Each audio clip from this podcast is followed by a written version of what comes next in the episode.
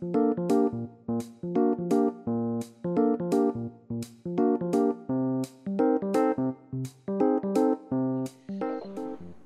Senudin. Siap, Prof. Oke, Rektor 2 Universitas Dian Nusantara. Mas Dwiki Darmawan dan Ananda Fahri yang saya banggakan Bapak Ibu sekalian yang sudah join di dalam acara ngobrol bareng online ini yang sekarang jumlahnya sudah 144 ya ini insya Allah terus naik terus ini yang akan hadir Assalamualaikum warahmatullahi wabarakatuh. Waalaikumsalam warahmatullahi wabarakatuh. Pertama-tama tentu selalu kita panjatkan beri syukur kepada Allah Subhanahu wa taala karena rahmat dan hidayahnya kita semua masih diberikan umur panjang dan kesehatan sehingga pada siang hari ini bisa bergabung bersama walaupun melalui uh, udara ya dengan Zoom meeting tetapi kita bisa saling bersapa, saling melihat wajah masing-masing. Dan masih bisa saling mendekatkan hati kita masing-masing walaupun tidak bertatap muka.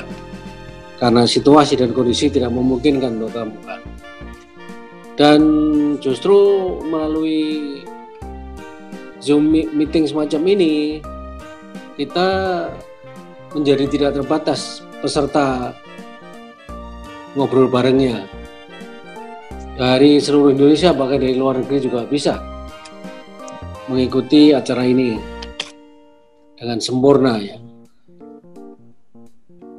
Saya ingin menyampaikan terima kasih pada Pak Sanudin, Pak Agus, Pak Didin, Bu Dewi, dan teman-teman semua dari pimpinan Undira yang telah terus menerus bekerja sama mensukseskan berbagai acara dalam rangka kita memperingati Dies Natalis pertama Universitas Dian Nusantara. Sudah cukup banyak oh, kegiatan-kegiatan yang kita lakukan baik berupa seminar-seminar, yang lewat webinar, kemudian ngobrol bareng, ngaji bareng, dan ada seminar internasional besok tanggal 26 dan puncak acaranya tanggal 28 September kita mengadakan acara peringatan Des Natalis pertama Dian Nusantara. Tentu saya selaku rektor sangat bersyukur bahwa usia Universitas Dian Nusantara baru satu tahun yang di Jakarta karena ini pindah dari Medan ya. Tetapi kegiatan yang kita lakukan sudah sangat banyak. Dan tentu semua ini bisa terlaksana karena dukungan dari semua pihak, baik yang menjadi peserta maupun menjadi narasumber. Dan pada siang hari ini saya sangat berbahagia dan berbangga karena kehadiran Mas Dwiki Darmawan yang sudah saya kenal lama lewat TSQ dulu dan Surah Fahri yang juga bahkan sudah mungkin dua kali kita undang di Gembira untuk melantunkan beberapa lagu lewat violinnya yang sangat indah. Dan Mas Dwiki ini luar biasa membawa nama mengharumkan nama bangsa Indonesia di berbagai pelosok dunia karena Mas Dwiki sudah begitu banyak negara yang telah dikunjungi dan bermain dengan berbagai kelompok band di sana maupun penyanyi-penyanyi terkenal di dunia sehingga kita bisa memetik hikmah dari perjalanan Mas Dwiki dengan Mas Fahri. Mas Fahri juga udah menja memainkan violinnya di beberapa negara. Tentu Mas Dwiki jauh lebih banyak ya. Tapi memang beda umurnya 30 tahunan tadi ya. Walaupun Mas Dwiki menurut saya masih masuk kelompok milenial ya. Kalau Ananda Fakri ya milenial betulan. Kalau Mas Dwiki itu uh, perbatasan antara milenial dan kolonial. Jadi bisa mengikuti dua zaman ya. Kalau saya Pak Hasan ini udah masuk golongan kolonial ya, tetapi jiwanya tetap jiwa milenial nih yang penting ya. yang penuh semangat, pengen terus mengabdi, pengen terus membaktikan diri, ikut membangun bersama-sama bangsa ini. Apalagi pada situasi sekarang yang bangsa kita dan seluruh bangsa-bangsa di dunia menghadapi cobaan yang berat dari Allah Subhanahu wa taala berupa virus corona atau dikenal sebagai COVID-19. Yang memprihatinkan justru di negara kita yang tadinya paling akhir menyatakan sudah terpapar corona, tetapi sekarang ini berbagai beberapa negara sudah selesai coronanya, kita baru mulai berkembang terus setiap hari. Yang terpapar lebih dari 4.000 rata-rata tiap hari, dan kita harus sangat hati-hati. Bahkan tadi saya ditelepon Ibu Dewi Faisal bahwa Buyo juga izin keamanan untuk pelaksanaan oh, konferensi internasional dan Dias Natalesti kayaknya izinnya tidak mulus ya. Sehingga kalau memang izin tidak diberikan ya saya cenderung untuk kita tiadakan acara yang offline sehingga semua dijalankan secara online. Ini untuk menjaga kita semua. Ya termasuk diri saya yang paling tua. Karena oh, yang paling rentan itu adalah orang tua punya penyakit bawaan, ya diabetes atau paru-paru atau darah tinggi atau jantung, ini rentan dan itu beberapa penyakit bawaan itu saya bawa dari beberapa puluh tahun yang lalu sehingga memang saya agak rentan dengan uh, penularan ini. Dan untuk menyingkat waktu saya memberikan waktu seluas-luasnya kepada Mas Dwiki. Tentu diucap dibarengi dengan ucapan terima kasih yang tidak terhingga di tengah ya walaupun dengan corona ini memang mungkin Mas Dwiki Dek Fahri juga terpaksa banyak di rumah tetapi tanpa keinginan kuat untuk memenuhi undangan kami ya tentunya susah juga mendatangkan seorang sekali bermas Dwiki Darmawan. Dan Saudara Fahri untuk ikut diskusi dengan seluruh peserta, terutama para mahasiswa, agar mereka juga bisa bersama-sama nanti Mas Dwiki, Mas Fakri di bidangnya masing-masing untuk membangun bangsa, mengharumkan nama bangsa, baik di dalam negeri maupun di luar negeri yang akan datang. Demikian bahasan apa yang saya sampaikan sebagai pembuka acara ini. Mudah-mudahan acara ini bisa berlangsung dengan lancar dan Mas Dwiki, Mas Fahri nanti bisa bercerita tentang berbagai kegiatan yang telah dilakukan dalam rangka mengharumkan nama bangsa.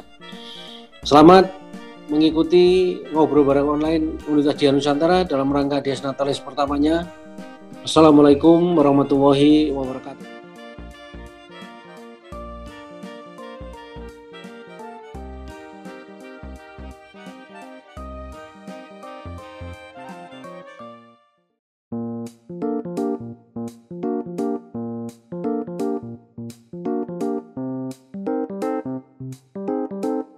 Sebagaimana judul daripada acara ini ngobrol bareng ya. Jadi eh, kemasan acara ini tentunya berbeda dengan seminar gitu kan yang resmi sekali. Nah sebetulnya kan kalau ngobrol ngobrol di sini walaupun eh, eh, di dalam posternya cuma ada foto saya, Mas Dwiki dan Mas Fahri, eh, namun prakteknya sebetulnya eh, sebanyak 163 orang pada saat ini kita itu ngobrol bareng. Jadi nanti bisa nimbrung kalau seandainya ada yang perlu disampaikan. Jadi eh, bagaimana kita menjadikan acara hari ini serileks dan sesantai santai mungkin namun uh, dengan tetap benang merahnya kita menarik makna dari apa yang kita bicarakan pada siang hari ini. Nah, sebagai informasi terutama uh, kepada adik-adik mahasiswa dan mahasiswi ya uh, kalangan milenial, kalau seangkatan saya, seangkatan Prof. Suharyadi dan sebagian dari peserta Bapak dan Ibu dalam forum ini tentu saja mengenal erat ya uh, Mas Dwiki ini bagaimana beliau masih sangat muda ketika itu pada tahun 85 kalau nggak salah Mas Dwiki ya. Beliau ini adalah salah satu pendiri pendiri daripada band Krakatau yang sangat terkenal sekali pada saat itu dan bukan hanya uh, di Indonesia namun uh, telah merambah uh, tampil di berbagai negara juga. Dan kemudian sosok Mas Dwiki ini adalah sosok yang sangat peduli sosial sehingga beliau banyak sekali terlibat di dalam kegiatan-kegiatan amal baik di dalam maupun di luar negeri dan uh, sifat sosial beliau ini saya pun kecipratan uh, akibat silaturahim ini uh, luar biasa sekali. Tiga anak saya menikah dan semuanya diiringi oleh orkestra Mas Dwiki. Bisa dibayangkan bapak dan ibu orkestra Mas Dwiki full uh, tampil dalam acara itu dan semuanya itu merupakan hadiah daripada Mas Dwiki. Luar biasa. Apalagi pada saat itu Mas Dwiki membawa koleha-kolehanya Ibu Aning Katamsi termasuk Ita Purnamasari istri beliau. Nah mestinya tadi saya tanya kepada Mas Dwiki Ibu Ita hadirkah? Uh, namun ternyata pada saat yang sama hari ini Ibu Ita uh, sedang ada acara Zoom meeting juga Mas Dwiki ya. Nah inilah uh, kegiatan uh, Mas Dwiki dan uh, beliau uh, telah mendirikan juga sekolah musik yang terkenal Farabi ya Eh, dan kalau nggak salah ada beberapa cabang di Jakarta uh, yang banyak sekali menarik minat dan melatih uh, talenta-talenta uh, dari anak-anak kita. Nah kalau Fahri tidak kalah pentingnya dan uh, Bapak Ibu sekalian siapa yang tidak mengenal pebiola uh, berkaliber internasional Idris Sardi. Nah kalau kita berbicara Idris Sardi, maka titisan Idris Sardi dan murid langsung dari Idris Sardi itu inilah yang namanya Mas Fahri. Nah, pada hari ini uh, kita akan uh, sama-sama nanti mendengar pengalaman Mas Fahri bagaimana sih dilatih uh, apa musik dilatih biola oleh uh, maestro uh, Pak Edi Sardi itu. Namun yang pertama kita ingin menyapa Mas Dwiki. Assalamualaikum Mas Dwiki. Waalaikumsalam warahmatullahi wabarakatuh, Pak Hasan. Senang sekali Mas Dwiki kita bisa jumpa lagi hari ini. Alhamdulillah. Sehat ya.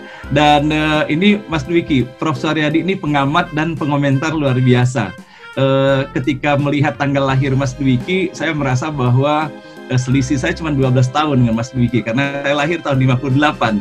Tapi setelah Prof menyampaikan tadi itu bahwa Mas Dwiki berada di wilayah perbatasan antara milenial dan kolonial, sementara sendiri saya sendiri sudah berada di wilayah kolonial, saya memperhatikan foto saya, iya ya Mas Dwiki itu kok kelihatan muda sekali gitu kan ya. jadi uh, saya kira ini uh, mungkin boleh jadi pengaruh musik itu ya Mas Dwiki. Bisa nggak Mas Dwiki? Pengaruh musik itu membuat seseorang itu jadi awet muda? Insya Allah bisa, bisa, Insya Allah. Bagaimana yang dirasakan oleh Mas Dwiki uh, uh, berada dalam dunia musik ini, Mas ya. Dwiki? Ya, uh, sebelumnya saya ingin menyapa uh, Prof. Suharyadi. Sehat selalu, senang sekali berjumpa kembali dengan Bapak Amin. dan Bapak Ibu sekalian dan juga adik-adikku rekan-rekan yang kelihatannya banyak mahasiswa mahasiswi Undira ya ini ya Pak Hasan ya. Ya betul Mas Miki. Undira. Ya. ya. Jadi uh, Universitas Dian Nusantara. Wah banyak ya.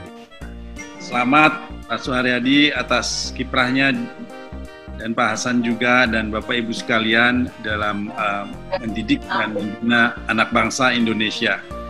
Dan uh, ya tadi pertanyaan Pak Hasan ini Luar biasa. Pak Hasan, sebetulnya musik bagi saya adalah bagian dari sesuatu yang saya jalani sebagian dari kehidupan spiritual saya. Karena saya menempatkan musik sedari awal sebagai bagian dari uh, suatu spirit dalam kehidupan, satu spirit spiritual yang keluar dan ke dalam dan musik harus digunakan untuk kemaslahatan, untuk kebaikan, dan itu uh, yang mungkin tadi jawabannya mungkin alhamdulillah kalau dibilang awet muda, alhamdulillah, alamin, terima kasih. Dan saya tidak jauh-jauh sama Pak Hasan sebetulnya di perbatasan, di perbatasan ya. Dan uh, saya mau izin untuk ice breaking sebentar kalau diizinkan uh, sebelum kita mulai boleh putar video saya untuk dinikmati. Boleh, silakan Mas Dwiki. Semua. Dan Mas Dwiki, perlu kami sampaikan bahwa uh, waktu untuk Mas Dwiki hari ini unlimited. Ah, jangan. Nanti kelewat asar. Terima kasih atas waktunya. Uh, video ini lima menit lebih tidak apa-apa ya Pak Hasan ya supaya silakan, kita silakan, Mas Dwiki. Uh, relax dulu. Uh, saya boleh uh, mendapatkan izin share screen ya, berarti. coba. Oh ya, sudah boleh. Baik.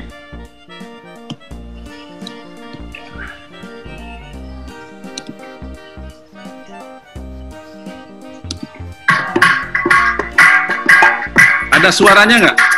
Ada, ada. Selamat menikmati. Thank you.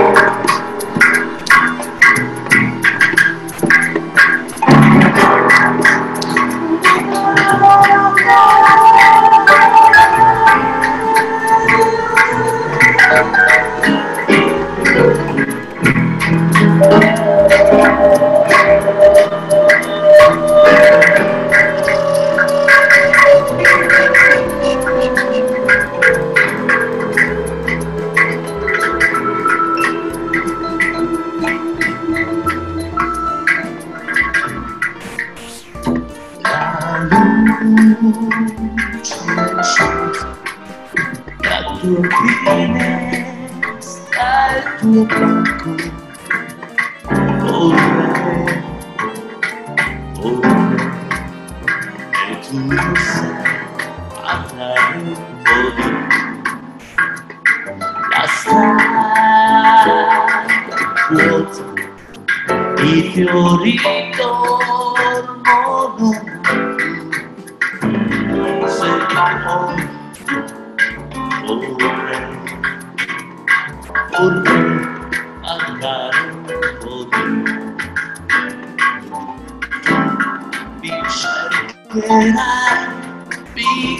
chiamerai se tu vorrai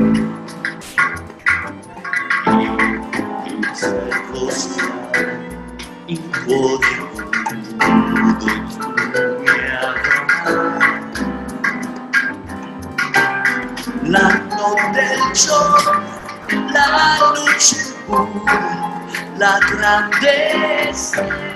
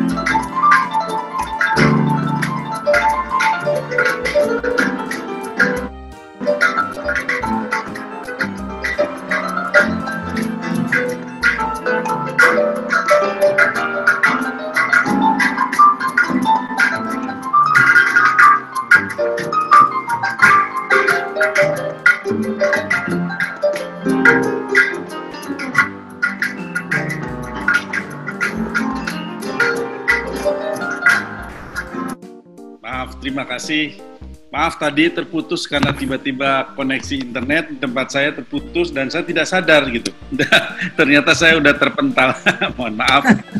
Uh, dan uh, ya terima kasih uh, Pak Hasan dan Adinda Fahri. Jadi memang uh, Fahri adalah menurut saya contoh dari uh, kaum milenial, kaum muda yang luar biasa semangatnya, termasuk sinkron ya di bidang seni dengan bidang keilmuan dan seluruh bidang-bidang bisa dijalankan dengan bagus dan seimbang. Saya tidak ragu-ragu mengajak Fahri ke mana pun di dalam negeri, di luar, di luar negeri, karena sekali lagi memiliki kualifikasi, walaupun saya bilang kepada Fahri, belajar itu tidak ada berhenti-berhentinya, dan Um Dwiki pun sampai saat ini pun masih terus belajar. Oke Pak Hasan, uh, saya uh, ingin uh, memberikan apa namanya uh, slide apabila diperbolehkan untuk men-share screen karena uh, saya masih disabled sekarang karena Akan mungkin Mas- tadi terpental Mas- jadi bantu Mas Dwiki.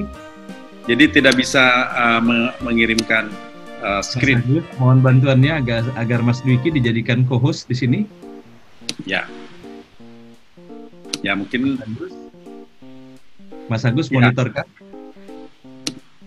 sambil menunggu Mas Agus saya sambil bicara uh, Siapa Hasan?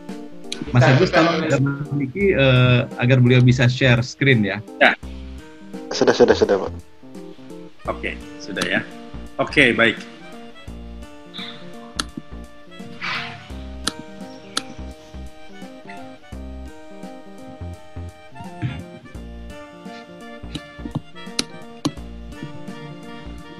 Ya, oke. Oke, apakah bisa dilihat? Bisa jelas Mas Dwiki. Baik, eh, saya ingin menjelaskan eh, pengalaman pribadi saja. Pengalaman pribadi saya sebetulnya sebelum mengenal alat musik barat atau piano, saya sebetulnya dari kecil yang saya kenal adalah alat musik tradisional khususnya Sunda karena saya lahir di Bandung.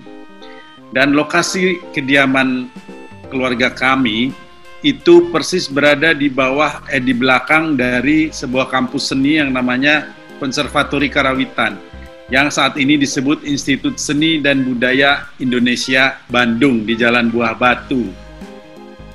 Pak Suharyadi orang Bandung bukan Pak Suharyadi, Pak Rektor, Prof. Solo. Nah, Dari Solo. oh dari Solo Eh, ya, tapi Orang Solo Tigo, Mas. Oh, Solo Solo. Tigo ya. Bukan kalau Solo. misalnya yang akrab di Bandung, ada yang dari Bandung pasti kenal yang namanya Jalan Buah Batu. Kalau zaman Oh, ya. Dikenal banyak premannya ya, dan ini eh, sekarang sudah tidak seperti itu lagi. Nah, dari situ saya mengenal akrab di usia 3, 4 tahun, 5 tahun balita sampai mau masuk SD bunyi-bunyi yang akrab di telinga saya adalah gamelan, angklung, gamelan degung Sunda, arumba, dan juga saya sering melihat tari-tari tradisional. Di situ saya belum mengenal eh, peralatan musik modern barat ya. Sampai akhirnya ceritanya pada saat usia balita itu menurut dokter ibunda saya dikasih tahu bahwa motorik halus saya itu eh, kurang ya kurang bagus seperti saya kalau memegang sesuatu itu gampang jatuh gitu kurang kuat dan sebagainya jadi ibunda saya berpikir sendiri apa dibelajarin dibelajar biar dia belajar piano ya agar motorik halusnya bagus karena kan jari-jari gitu terus saya agak pemalu pemalu sekali katanya pemalu dan eh, ibu saya ingin memberikan kepada putranya sesuatu yang sehingga menjadi self confidence atau percaya diri gitu. Saya juga nggak tahu waktu balita, waktu kecil saya pemalu banget gitu. Mungkin kalau lihat orang dewasa saya lari ke belakang, takut, pemalu. Nah, akhirnya diberilah saya hadiah piano dan saya mulai belajar piano di usia tujuh tahun.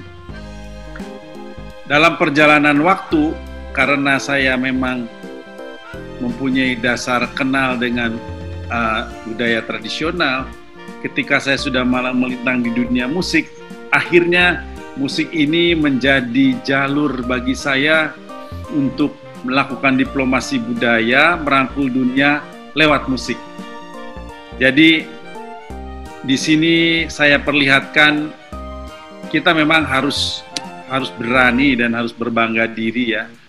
Tetapi bukan untuk sombong, tapi harus namanya percaya diri. Itu ibu saya yang selalu sampaikan dan doanya diberi sejak kecil Robis rohli sodri wayasirli amli waktu udatam milisani yafkohu koli itu dari saya kecil banget sudah diberi doa itu sebelum saya main piano sebelum saya festival piano. Dan akhirnya itu terbawa-bawa ketika saya ke mana-mana sampai di interview oleh sebuah majalah internasional Downbeat. Darmawan Promotes Indonesian Culture interview. Ini hanya dua dari sekian banyak majalah cetak maupun online di mana saya mendapatkan special interview beberapa halaman. Saya memberi nama dengan teman-teman grup musik pertama kami Krakatau karena ingat debu Krakatau itu waktu meletus debunya itu sampai ke Eropa Utara, sampai ke mana-mana, sehingga kita ingin dengan bermain musik seperti debu yang terhembus oleh letusan Krakatau itu berkeliling dunia debunya. Jadi ke bawah itu itu inspirasinya sehingga diberi nama Krakatau. Selanjutnya waktu saya uh, masuk kuliah sebetulnya di mana saat itu saya sudah mendirikan band Krakatau itu sejak SMA bersama teman-teman tapi saya kemudian ingin jadi diplomat karena saya pengagum berat dari Kiai Haji Agus Salim, saya pengagum berat dari Bapak Adam Mali dan termasuk uh, mantan rektor saya di Universitas Pajajaran, mantan dekan Fakultas Hukum di mana sebelum saya masuk beliau sudah tidak di situ yaitu Profesor Mokhtar Kusuma Atmaja. Bahkan kepada almarhum Pak Ali Alatas pun saya sangat kagum jadi saya bilang, saya ingin seperti beliau-beliau itu. Jadi maka saya masuk hukum internasional dengan keinginan menjadi diplomat. Tapi ternyata musik membawa saya lebih intens dan lebih serius sehingga saya berubah haluan menjadi diplomatnya lewat musik karena saya yakin musik itu bisa memenangkan hati dunia. Apalagi kepada negara seperti Indonesia harus mempunyai diplomasi yang bergerak luas dan bersahabat. Prinsip bebas aktif adalah landasan utama yang dijadikan pedoman. Namun, bebas aktif saja tidak cukup di dalam politik luar negeri menurut saya. Harus ada kreatif dan inovatif yang merupakan bumbu penyedap yang menambah cita rasa Indonesia berdiplomasi. Jadi inilah yang dinamakan secara tidak langsung saya praktekkan adalah yang namanya second track diplomasi. Dengan keragaman musik Indonesia, kreatif dan inovatif dapat diterapkan untuk menjadi musik Indonesia dapat memenangkan hati dunia. Itu keyakinan saya, itu self confidence saya yang ditumbuhkan sedari kecil oleh ibunda saya bahwa kamu harus menjadi orang yang self confident dan ini doanya. Doa yang tadi selalu saya bacakan setiap saya bermain piano, setiap saya konser di mana pun dalam dan luar negeri. Saya melihat juga sekarang, mumpung ini ada sahabat-sahabat dari kampus ya, jiwa dosen saya keluar juga nih di sini Pak Hasan. Jadi di Indonesia saya rasa perlu suatu kebijakan kuat untuk dapat menguatkan diplomasi budaya melalui musik atau diplomasi publik melalui seni budaya kalau di Bali ya. Karena menurut saya musik adalah aset diplomasi yang memiliki nilai seni kreativitas, dan dapat membentuk proses suatu citra sebuah bangsa. Bahkan bisa mempresentasikan karakter dan identitas masyarakat dengan cara lebih berkawan. Yang seperti saya sampaikan tadi, musik mempunyai unsur soft power dalam merangkul dunia. Ini diam-diam tadi saya agak mempamerkan juga di slide ini, ini adalah cover album saya di Darmawan Pasar Klewer, di mana mendapatkan perhatian yang alhamdulillah baik daripada kritikus musik internasional. Juga ini adalah cover dari So Far So Close dan ini adalah cover dari album yang sebelum ini adalah Dwiki Darmawan Rumah Batu. Selanjutnya saya mempunyai ide bahwa negara Republik Indonesia di era sekarang ini sekali lagi bukan karena saya pintar, bukan karena saya pandai, tapi saya memberikan uh, hal ini semata-mata karena saya adalah pelaku, pelaku budaya, pelaku musik di tengah-tengah masyarakat, di tengah-tengah performer. Saya berpikiran bahwa Indonesia perlu memanfaatkan potensi kekayaan intelektual yang ada untuk partisipasi maksimal dalam ekonomi global. Sekarang ribut-ribut dengan uh, penurunan ekonomi, penurunan resources dari minyak dan sebagainya. Inilah saatnya ekonomi kekayaan intelektual harus ditingkatkan dan dikembangkan. Profesor Haryadi suatu saat apabila ada waktu diberi waktu insya Allah saya juga dengan senang hati bisa sharing di uh, Universitas Dian Nusantara mengenai strategi nasional kekayaan intelektual. Karena menurut saya pengembangan suatu strategi nasional kekayaan intelektual itulah yang akan membantu kita menggeser ketergantungan ekonomi berdasarkan resources based ke innovation based economy. Ekonomi berdasarkan inovasi. Itulah yang belum dikembangkan di Indonesia. Inovasi dalam bidang apa pun.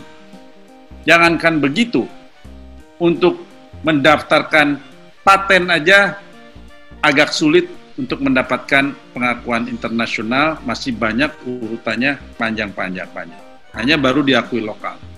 Nah, upaya ini memerlukan sinergi dan perpaduan multisektor yang tepat, termasuk bidang pendidikan, riset pengembangan teknologi, kesehatan, perindustrian, perdagangan, kebudayaan, dan hukum. Jadi bila sinergi strategi nasional kekayaan intelektual ini berhasil, maka akan tercipta berbagai inovasi anak-anak bangsa. Bagaimana strateginya ini? Panjang ya.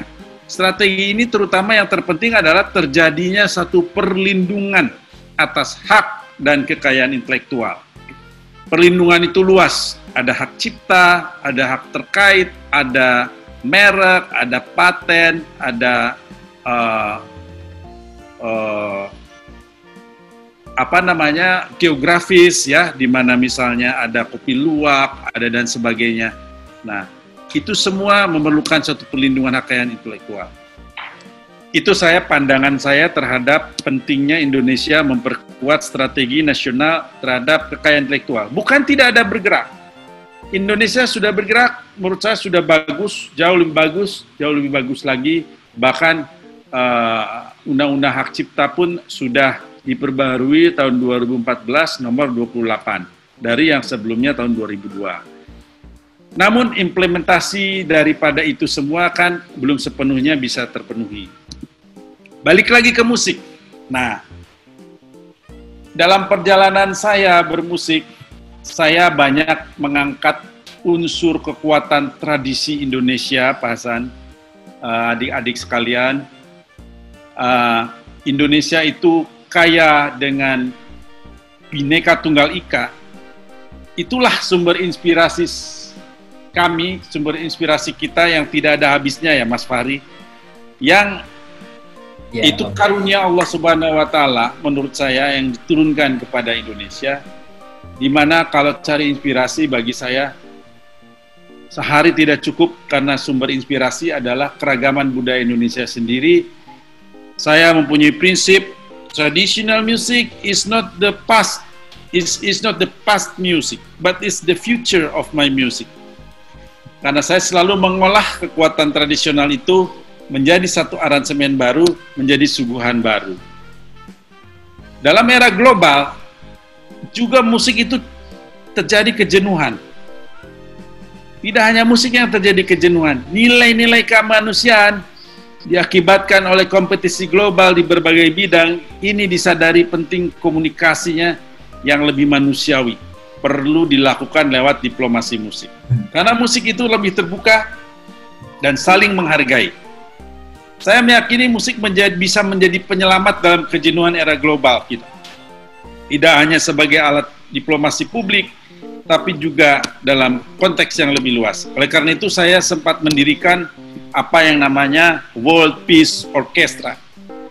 Di mana World Peace Orchestra itu saya menjadi komposer dan konduktornya sekaligus leader, tapi banyak musisi dari lima benua yang terlibat dan ketika saya konser di mana-mana musisi-musisi itu yang menjadi musisinya datang kita berkumpul di suatu negara kita pernah main di Kroasia pernah main di China pernah main di Prancis Jerman pernah main di South Africa dan negara mana pun sehingga tidak usah repot-repot uh, selalu harus uh, berbiaya tinggi dari Indonesia tapi yang terpenting di sini adalah ada nilai, ada value.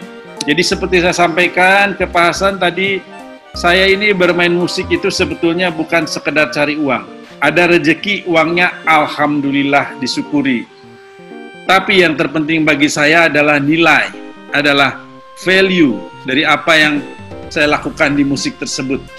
Dengan begitu saya merasa ini adalah bagian dari ibadah, bagian dari spiritual, tidak hanya menjadi entertainer atau penghibur, tapi saya lebih suka menjadi penghibur spiritual bagi setiap insan.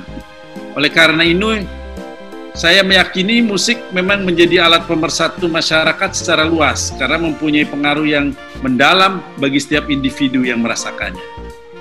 Hal ini tentu saja merupakan angin segar bagi dunia diplomasi, apalagi jika dengan diplomasi macam ini negara bisa terhindar dari serangan negara lain maka saya bisa mengatakan bahwa budaya itu adalah merupakan suatu ketahanan bangsa.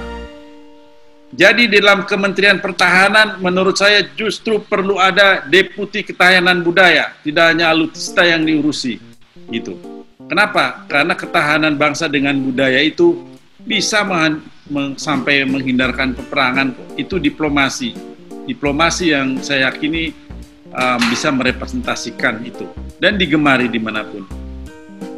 Nah, uh, masyarakat di luar Indonesia, bagi Indonesia saya mengalami lebih menghargai musik yang original dari kita yang ber, berbasis root of identity, berbasis mempunyai keakar budayaan dari bangsa kita sendiri karena bagi mereka itu adalah unik ya, unik.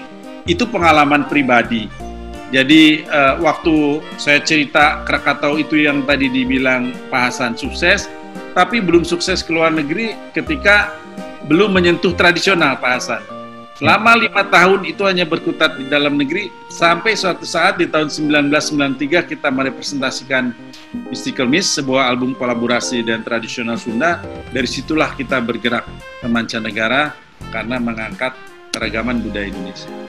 Nah, di satu sisi juga kita melihat pentingnya satu edukasi seni budaya karena sekarang ini jangankan uh, mengandalkan kepada kurikulum nasional yang sudah begitu dikesampingkan.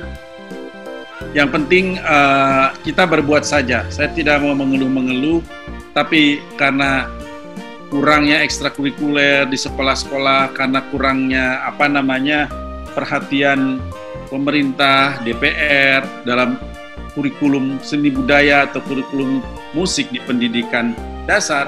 Jadi ya membuka suatu lembaga pendidikan musik atau kursus yang dinamakan Farabi itu adalah satu solusi bagi masyarakat yang ingin saya berikan kepada uh, masyarakat tentunya. Dan ada satu hal lagi yang saya alami adalah musik menyatukan kita. Bagaimana tidak? di Krakatau sekarang saja yang etnik. Saya Muslim. Fahri tahu kan Om Prabudi Dharma yang uh, basis kita, yang ya. sangat senior, itu adalah uh, Buddhis ya. Kemudian Om Gary Herb Siwalete itulah orang Ambon Sunda yang uh, Kristen uh, Protestan ya, Nasrani lah. Kemudian tentunya ada kolaborator kita juga yang dari umat Hindu, ada kolaborator kita juga yang dari umat Konghucu dan sebagainya karena kita sering berkolaborasi. Saya merasa bahwa musik menyatukan kita. Dan uh, di dalam kondisi pandemi sekarang ini juga kita mengalami musik menyatukan kita. Tadi saya merepresentasikan video live from home. Itu tadi uh, untuk Bapak Ibu, teman-teman sekalian, saya umumkan di sini editor videonya juga Fahri itu. Jadi Fahri itu multi talenta. Jadi ketika saya live from home dari Italia, dari uh, dari Jerman, dari Indonesia dan dari Inggris, videonya dirangkum oleh Fahri. Walaupun tadi dia tidak ikut main violin karena sibuk ngedit videonya. gitu. Jadi uh, itu uh, sekilas uh, pengalaman saya berdasarkan pengalaman pribadi. Sekali lagi bukan karena saya uh, apa namanya mengetahui semua itu, berdasarkan pengalaman pribadi seperti itu, bersyukurlah menjadi manusia Indonesia yang memiliki keragaman budaya yang luar biasa, tiada taranya di dunia ini. Ini karunia ilahi, bahkan sangat dikagumi di seluruh dunia, bineka tunggal ika, ya, the ultimate in diversity. Makanya Indonesia Janganlah terpecah-pecah cuman karena pilkada, janganlah terpecah-pecah cuman karena pemilu, janganlah terpecah-pecah cuman karena pilgub, terpecah-pecah karena pilpres. Buat apa seperti itu? Mari kita membangun Indonesia dengan cara masing-masing, dengan keahlian masing-masing, dengan kontribusi masing-masing, dan uh, Indonesia adalah negara yang berdaulat, negara yang sesuatu banget, dan Indonesia adalah memang negara bineka tunggal ika yang seyogianya masyarakatnya tetap rukun, tetap bergotong royong, tetap bersemangat, dan jangan dijadikan perbedaan itu adalah sebuah pertentangan, tapi mari kita jadikan perbedaan itu adalah sebuah kekuatan dari Indonesia kita. Merdeka!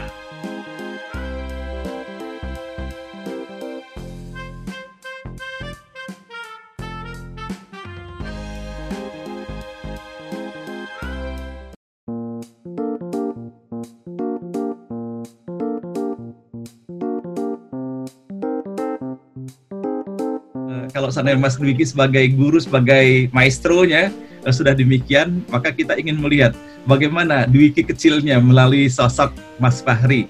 Assalamualaikum Mas Fahri. Waalaikumsalam Ayah. Mas Fahri, kalau sana Ya. tadi kita uh, mendengarkan dari Mas Dwiki ya bahwa uh, values itu sangat penting buat Mas Ya. Dwiki ya.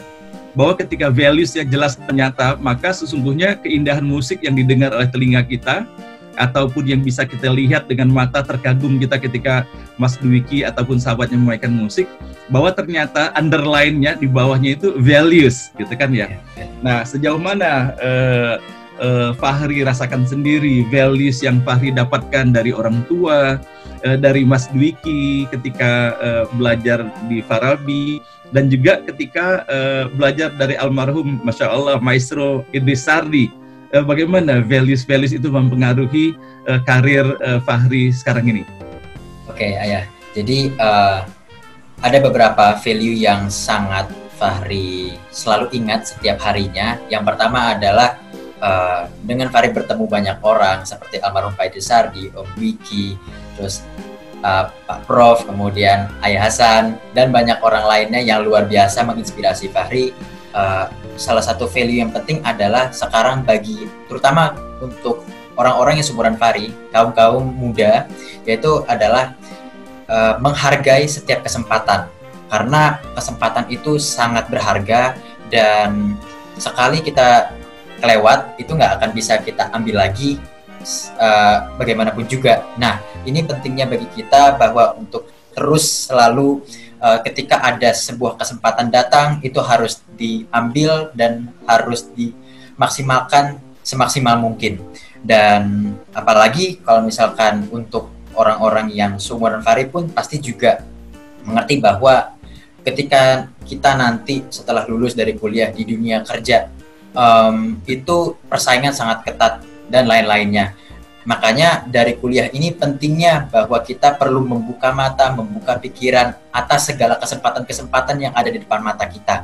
Saat ini menurut Fahri, uh, kesempatan buat anak muda untuk berkreasi tidak hanya di dalam bidang musik sangat terbuka lebar gitu. Dan le, uh, ibaratnya playing fieldnya udah datar lah. Jadi kalau misalkan kayak ada orang yang punya karya misalkan di YouTube atau di iTunes atau misalkan karya-karya lainnya gitu itu sangat memungkinkan sekali orang setinggi apa pun pangkatnya seperti Pak Presiden pun atau orang dari luar negeri pun bisa melihat karya kita, bisa mengapresiasi kita dan bisa mungkin kerjasama nanti.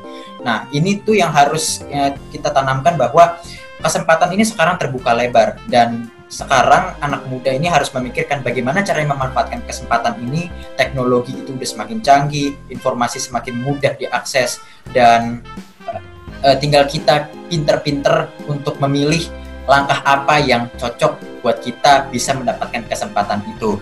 Terus juga uh, ketika saat ini kan mungkin beberapa teman-teman yang hadir di forum ini juga masih dalam bangku kuliah lah kuliah itu memang penting karena kan kuliah di perkuliahan itu kita mempelajari tentang school theory, school toughs dan lain-lainnya.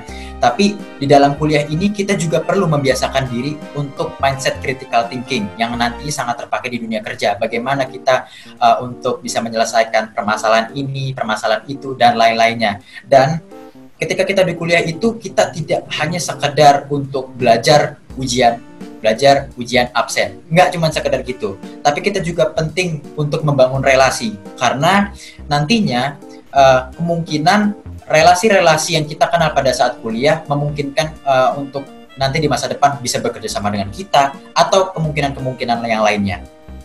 Dan tentunya ketika kita di bangku kuliah ini kita juga penting selain belajar kita perlu menggali potensi-potensi diri yang lain seperti yang tadi sebelumnya Fari sebutkan bahwa Fari itu tidak hanya sebagai pemain biola, tapi Fari juga sebagai musik produser dan saat ini sedang mengembangkan bisnis produksi studio. Karena menurut Fari, menggali potensi diri itu sangat penting dengan harapan di saat kita lulus kuliah dengan kondisi yang seperti kita lihat saat ini kondisi pandemi bahwa um, mohon maaf orang ketika lulus kuliah cari kerja susah karena kan uh, perusahaan juga tidak terlalu membuka lowongan pekerjaan yang banyak karena kondisi pandemi dan segala macam. Dengan harapan kita mempunyai nilai akademik yang baik, terus kemudian potensi diri yang baik. Nah, saat kita lulus, kita bukan sebagai pencari kerja, tetapi sebagai pencipta lapangan pekerjaan. Pencipta lapangan pekerjaan itu juga um, sangat baik karena selain kita apa namanya membawa manfaat untuk diri sendiri tetapi juga membawa manfaat bagi orang-orang lain. Nah terus juga um, membawa manfaat orang lain seperti kayak uh, kita bisa bekerja sama dengan dia terus memberikan ilmu memberikan motivasi seperti yang telah dilakukan Om Wiki kepada uh, generasi-generasi uh, muda termasuk salah satunya saya. Pak Hasan. Dan salah satu yang apa namanya pesan yang Far ingat kalau ketika untuk bermusik ya dari almarhum Pak Idris Sardi ketika sebelum Fahri bermain biola ketika sebelum Pak Idris Sardi bermain biola ada tiga hal yang perlu dipikirkan. Yaitu satu dari pikiran dari eh dari pikiran dari hati dan dari atas. Maksudnya gini ketika kita sebelum bermain biola kita perlu berpikir dulu. Berpikir kita mau main lagu apa kita harus mainnya seperti apa, tekniknya seperti apa. Itu dari pikiran. Dari pikiran kemudian connect ke hati. Kita merasakan, oke, okay, bagaimana kita harus menyentuh orang dengan permainan musik kita ini. Lalu setelah kita pikirkan dan kita rasakan, baru kita serahkan kepada Tuhan Yang Maha Esa. Yaitu bahwa kita dalam setiap permainan musik kita, kita perlu niat bahwa kita main musik itu tidak hanya sekadar menghibur, tidak sekedar tampil, tapi juga ibadah yaitu kita memberikan kebahagiaan bagi orang lain, kita memberikan motivasi, kita memberikan inspirasi juga dari permainan musik kita. Kurang lebih seperti itu ayah. Terima kasih. Bapak Ibu sekalian yang berbahagia, saya nyaris uh, speechless ya terhadap apa yang disampaikan oleh Ananda Fahri. Dan uh, sama-sama kita bisa melihat Bapak Ibu sekalian ya um, antara guru dan murid yang di laptop saya bersebelahan sekarang ini eh, bukankah kita bisa melihat bagaimana keserasian ya, ketersambungan ya antara Mas Dwiki eh, dengan Mas Fahri. Notabene adalah generasi eh, kedua setelah generasi Mas Dwiki di dalam melanjutkan eh, eh, kiprah dalam bidang musik ini. Eh, yang pertama yang em, saya yakin Bapak dan Ibu sekalian teman-teman kagum sekali kemampuan komunikasi Fahri luar biasa sekali. Bayangin dalam usia Terima seperti ini ya, komunikasi publiknya eh, bisa menyampaikan segala apa yang ada di dalam pikiran dan di dalam hatinya eh, bisa tersampaikan dengan baik, bisa tersampaikan dengan runut, eh, dengan eh, percaya diri, tapi tetap santun dengan Iya. bahasa-bahasa terpilih di dalam penyampaiannya. Saya pikir ini adalah suatu hal yang luar biasa sekali. Nah, eh, di dalam forum ini eh, Ananda Fahri bahwa mahasiswa-mahasiswi Undira eh, calon-calon pemimpin bangsa ini hadir dan saya kira apa yang ditunjukkan oleh Fahri dalam kemampuan komunikasi pada hari ini suatu hal yang luar biasa dan mudah-mudahan adik-adik mahasiswa dan mahasiswi bisa melihat. Dan yang bikin surprise lagi ternyata ada tiga hal tadi yang disampaikan oleh Mas Fahri. Eh, saya kira bukan hanya ketika eh, menyampaikan sajian musiknya, tetapi dalam kiprah eh, dalam kehidupan kesehariannya tiga hal yang disampaikan tadi itu bagaimana memadukan antara pikiran, hati dan spiritualitas dalam arti- artian bahwa connectivity kepada Allah yang Maha Pencipta. Nah, inilah kadang-kadang eh, yang suka eh, dilupakan. Kita kebanyakan mengandalkan hanya intelektualitas kita semata, eh, menomorduakan emosi dan apalagi yang nomor tiga kadang-kadang dianggap tidak penting eh, untuk mengkaitkan de- dengan masalah doa dan kepada Allah itu. Nah, hari ini eh, kita mendapatkan testimoni luar biasa dari guru dan murid ini ternyata benang merah dari keduanya ini adalah spiritualitas bahwa penyajian musik itu hanya sekedar sarana, hanya sekedar media, eh, namun itu adalah merupakan bagian dakwah, bagian cara pengabdian kepada Allah dan bagian daripada cara berbagi kepada sesamanya. Nah, Bapak Ibu sekalian, em, saya mencatat eh, beberapa hal dari apa yang disampaikan oleh eh, Mas Fahri pada hari ini. Yang pertama, em, bagaimana Mas Fahri yang mengekspresikan bahwa beliau ini menghargai setiap momen, peka gitu, momen apa yang sedang dijalani sekarang dan jangan kita lewatkan. Nah, kebanyakan kadang-kadang kita lupa ya, banyak sekali momen-momen penting dalam kehidupan yang kita lewati begitu saja. Dan kemudian eh, kita bisa melihat dan saya menyaksikannya ya, semangat belajar yang luar biasa dari Mas Fahri ini bukan hanya belajar eh, di bangku perkuliahan saja, tetapi juga belajar mengenai kehidupan. Dan kemudian yang saya lihat eh, Mas Fahri ini menghormati orang tua gitu. Jadi menghargai orang tua. Seperti halnya saya, Mas Fahri ini kan bukanlah anak biologis saya gitu. Tetapi Iya. Mas Fahri banyak sekali pada orang-orang yang tua yang beliau hargai memanggil itu dengan sapaan yang sangat menyentuh ayahanda gitu kan ya. Nah bisa dibayangkan ketika sapaan ayahanda itu eh, membuat hubungan emosional itu dan eh, akhirnya menyebatani hubungan spiritualitas yang luar biasa. Dan kemudian Mas Fahri menyampaikan bahwa kita harus terus berupaya memperluas wawasan. Dan kemudian tadi grab the opportunity. Jadi kalau ada kesempatan tuh ambil gitu, jangan sampai kita lengah terhadap kesempatan yang ada. Dan kemudian eh, Mas Fahri menyampaikan bagaimana mengoptimize teknologi. Kita jangan jadi perbudak teknologi, tapi sebaliknya bagaimana teknologi perkembangan yang ada di seputar kita itu kita kendarai gitu. Nah, kadang-kadang kita banyak melihat gitu bahwa kita diperbudak oleh teknologi. Contoh misalnya banyak sekali kita mendapati eh, anak-anak, sahabat-sahabat kita bisa berjam-jam berhari-hari main game misalnya kan. Dan sehingga betul-betul menjadi kecanduan dengan gamenya. Nah, saya kira hal itu eh, bukan lagi memanfaatkan teknologi, tapi sudah dimanfaatkan oleh teknologi itu sendiri. Dan kemudian eh, luar biasa di critical thinking. Bagaimana kita selalu kritis gitu kan ya. eh, eh, mendapati critical thinking dalam kehidupan kita. Jadi tidak hanya bengong saja melihat segala sesuatu, kita bagaimana kemampuan kita menganalisa situasi dan kondisi yang ada. Dan kemudian Mas Fahri menyampaikan juga bahwa betapa pentingnya relasi. Ya kan? Ya kalau Rasulullah menyampaikan bahwa kalau sana ingin kaya itu silaturahim. Kalau ingin panjang umur juga silaturahim itu hadis sahih dari Rasulullah Sallallahu Alaihi Wasallam. Nah tentunya dalam konteks ini kalau saya lebih banyak melihatnya kaya itu bukannya sekedar kaya fisikal, kaya materi. Ketika kita punya banyak sahabat itu kaya hati kita, senang kita berada di mana-mana, ya kan? Kebayang nggak kalau saya kita pergi ke daerah ada teman, ke mana-mana ketemu teman lagi, pasti itu menjadi orang yang sangat kaya sekali. Dan kemudian panjang umur. Kalau seandainya kebaikan dan silaturahim kita bagus, kita akan disebut di mana-mana. Nah, itulah pengertian panjangnya. Bukan berarti umur kita menjadi seribu tahun, kan ya? Ya kalau seandainya kita umur kita 200 tahun malah merepotkan orang ya, Mas Dwiki ya. Nah, kemudian, eh, nah ini juga eh, dalam era sekarang ini, eh, saya melihat bagaimana eh, Ananda Fahri ini memadukan antara opportunity yang ada dengan semangat wira swasta. Dalam artian bahwa bagaimana kita jangan berada di tangan di bawah. Rasulullah itu mengadakan al yadul ulya khairum min yadis sufla. Tangan di atas itu lebih baik daripada tangan di bawah gitu. Nah sehingga dengan Mas Fahri e, berupaya mengembangkan diri e, dalam kegiatan wira swasta ini agar karena Mas Fahri niatnya ingin memberi bukan menerima gitu kan ya Nah, e, kebanyakan kita, kenapa kita nggak sukses? Karena kita ingin menerima terus, sementara kita tidak menyadari apa yang harus kita kontribusikan. Nah, ini luar biasa sekali uh, Mas Fahri, uh, Mas Dwiki dari apa yang disampaikan uh, uh, dalam presentasi singkat ini dan rasanya saya ingin memperkaya uh, dengan memberikan kesempatan kepada Prof. Syariadi. Prof, ini Prof. Syariadi sangat piawai sekali mengomentari uh, setiap situasi dan kondisi yang ada dan beliau ini uh, ajaibnya kalau saya perhatikan bisa mengemasnya kemudian mendistribusikannya kembali dengan bahasa yang sangat enak, santun, tidak menggurui sehingga uh, membuat apa yang beliau sampaikan itu betul-betul membumi dan bisa diterima oleh kita semuanya terutama uh, kepada adik-adik mahasiswa dan mahasiswi Undira.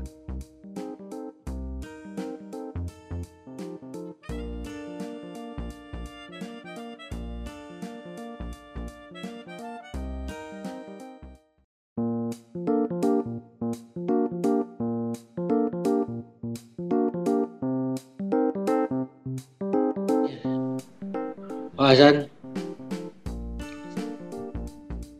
Mas Dwiki dan Ananda Fahri yang sangat saya banggakan. Saya bisa kata-kata nih mau ngomong apa nih, karena semuanya yang disampaikan sudah sangat bagus. Apalagi ditambah dengan ulasan Pak Hasanuddin yang juga luar biasa. Dan sebenarnya saya juga ingin kalau ada para mahasiswa mahasiswi yang ingin menanyakan sesuatu langsung saja disampaikan nanti lewat Pak Hasanuddin melalui chatting ya. Saya hanya ingin menggarisbawahi Mas Dwiki ini musician tapi sekaligus juga seorang ekonom juga. Jadi tadi benar sekali apa yang disampaikan Mas Dwiki bahwa sebenarnya sebenarnya negara maju itu tidak uh, negara maju itu sebenarnya tidak berdasarkan uh, resource base ekonomi lagi apalagi kita ya karena sumber daya alamnya juga makin lama makin menipis ya. Tetapi negara-negara itu maju karena innovation based ekonomi. Jadi ekonomi berkembang maju karena inovasinya juga sangat didorong, dikembangkan. Satu contoh yang saya kira menjadi pembicaraan di mana-mana, diskusi di mana-mana, itu betapa dalam waktu hanya 25 tahun negara RRC Republik Rakyat Cina itu bisa mengalahkan negara-negara besar Amerika Eropa yang tadinya jauh di atas Cina itu sekarang dilampaui semua. Kalau ditelusuri ternyata memang sejak Mao Zedong sampai Deng Xiaoping itu betul-betul menanamkan pentingnya inovasi. Sehingga hak paten yang tadi sudah disampaikan Mas Dwiki itu puluhan ribu itu didapatkan oleh orang-orang Cina, oleh masyarakat Cina, oleh warga negara Cina. Dan hampir semua produk-produk yang membanjiri dunia itu asalnya dari China. Teknologi tinggi, iPhone, dan macam-macam yang mulai dari sepatu, pakaian, apa pun yang merek-merek top itu, akhirnya semua diproduksi di Cina. Karena selain inovasinya sangat tinggi, juga orangnya pekerja keras. Jack Ma yang pendiri Alibaba itu menyatakan bahwa majunya Cina dalam beberapa puluh terakhir, tahun terakhir ini karena diterapkannya apa yang dinamakan 979 atau 969.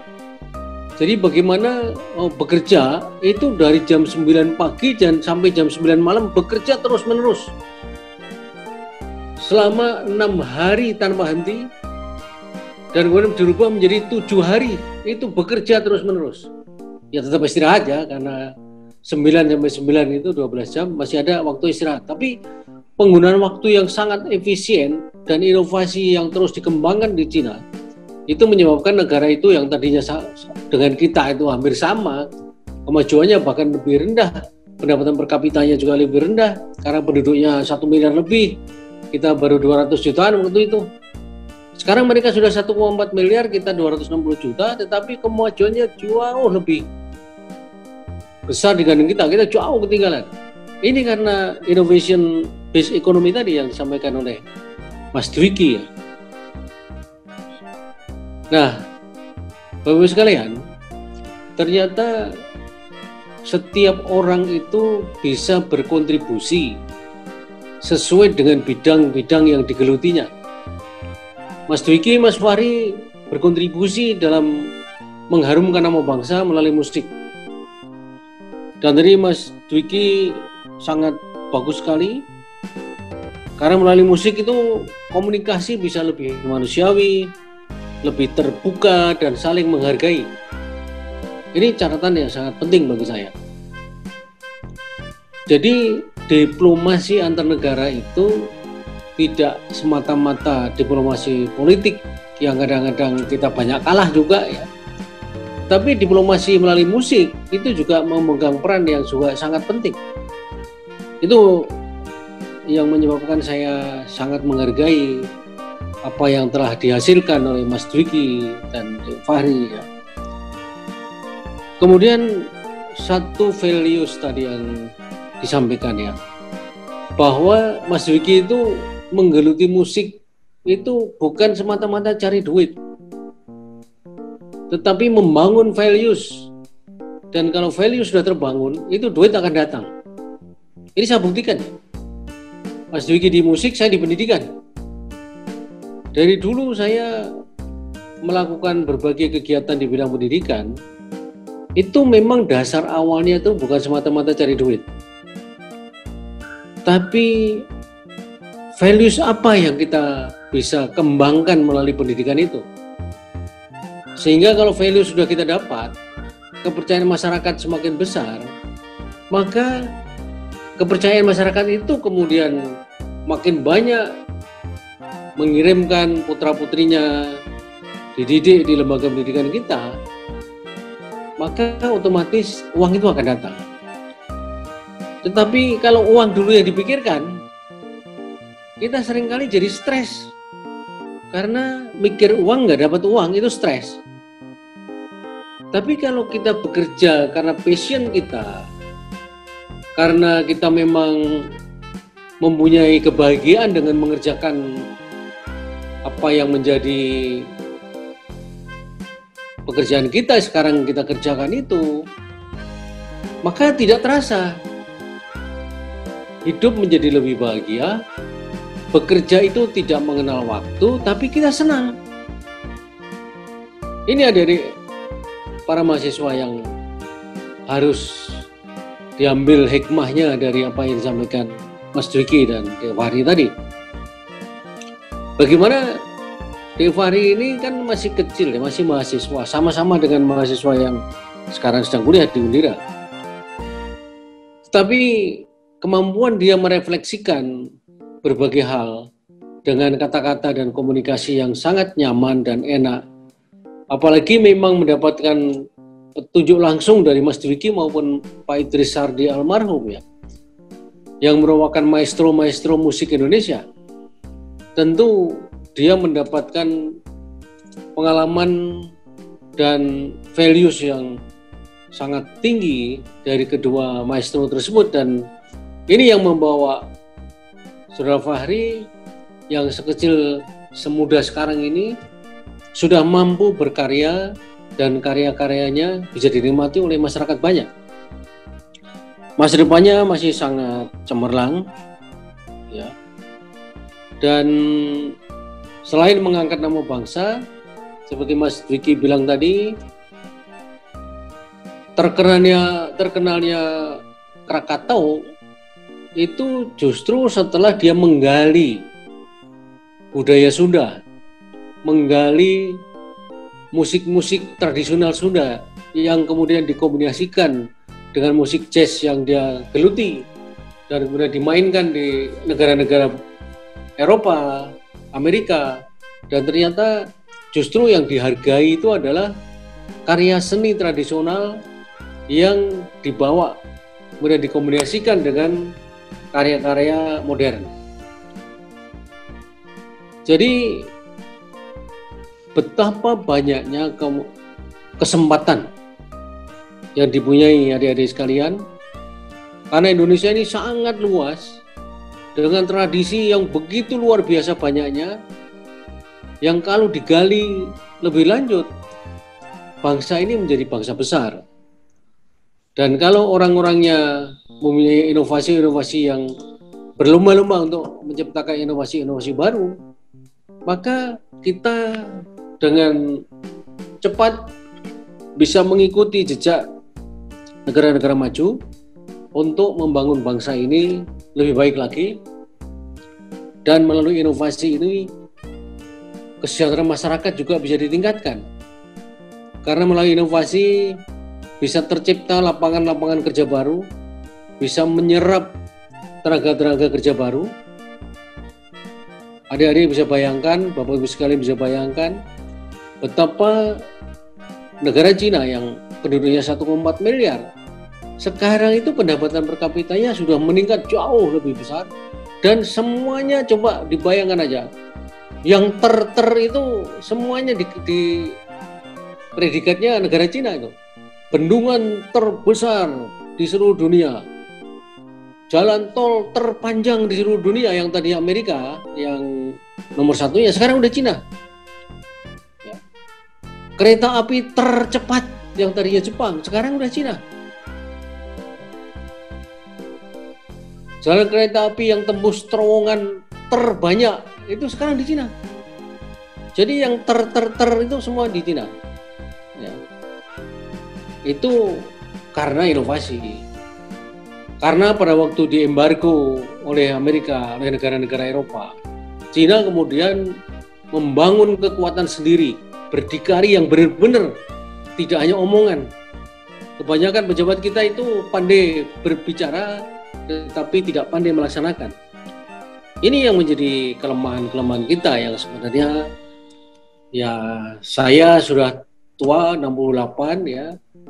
Tetapi kalau saya kadang-kadang merasa tua itu saya bercermin melihat Pak Mahathir Muhammad umur 95 waktu jadi men, Perdana Menteri kembali umurnya sudah 93 masih jadi Perdana Menteri jadi kita yang 68 itu masih belum apa-apa.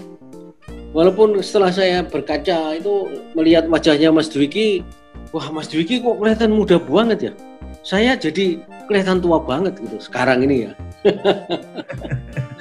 jadi selamat Mas Dwiki, saya jadi kalau saya dulu memang pengagum selalu mengoleksi musik-musik yang agak slow, musik-musik klasik gitu. Sehingga kata orang saya juga lumayan awet muda ya. Tapi melihat Mas Dwiki saya jadi merasa awet tua ini. Jadi ini uh, pentingnya kita saling anu ya ngobrol itu ini ngobrol tapi bermanfaat gitu. Ini namanya ngobrol tuh sering kali kalau orang Indonesia tuh ngobrol tuh ngalor ngidul nggak ada tujuannya nggak ada manfaatnya satu dan yang lain banyak kan ngerasain orang lain jelek-jelekin orang lain nah ini yang terjadi tapi kita ngobrolnya itu ngobrol yang positif bagaimana membangun jiwa yang terus ingin berkembang, ingin maju, ya. mendorong orang untuk terus-menerus melakukan inovasi. Ini kan bagus. Ya. Jadi pokoknya kalau ingin maju harus punya keinginan-keinginan yang kuat yang tadi juga disampaikan Dek Fahri ya, anak muda tetapi bisa mampu menyampaikan tiga hal penting tadi ya, menghargai setiap kesempatan. Jadi opportunity itu datangnya tidak setiap saat. Jadi opportunity yang ada itu harus kita tangkap, kita laksanakan, kita kembangkan menjadi kerjaan kita yang betul-betul membawa dampak bagus terhadap masa depan kita. Ini kesempatan itu tidak akan datang dua kali ya. Kemudian tadi Mas Fahri mengatakan ada critical thinking. Jadi kita ini harus selalu berpikir kritis, mengolah apa yang kita hadapi. Kesempatan ada, tetapi kalau tidak digunakan dengan baik melalui pemikiran yang kritis, akhirnya kesempatan itu jadi hilang lagi, ya.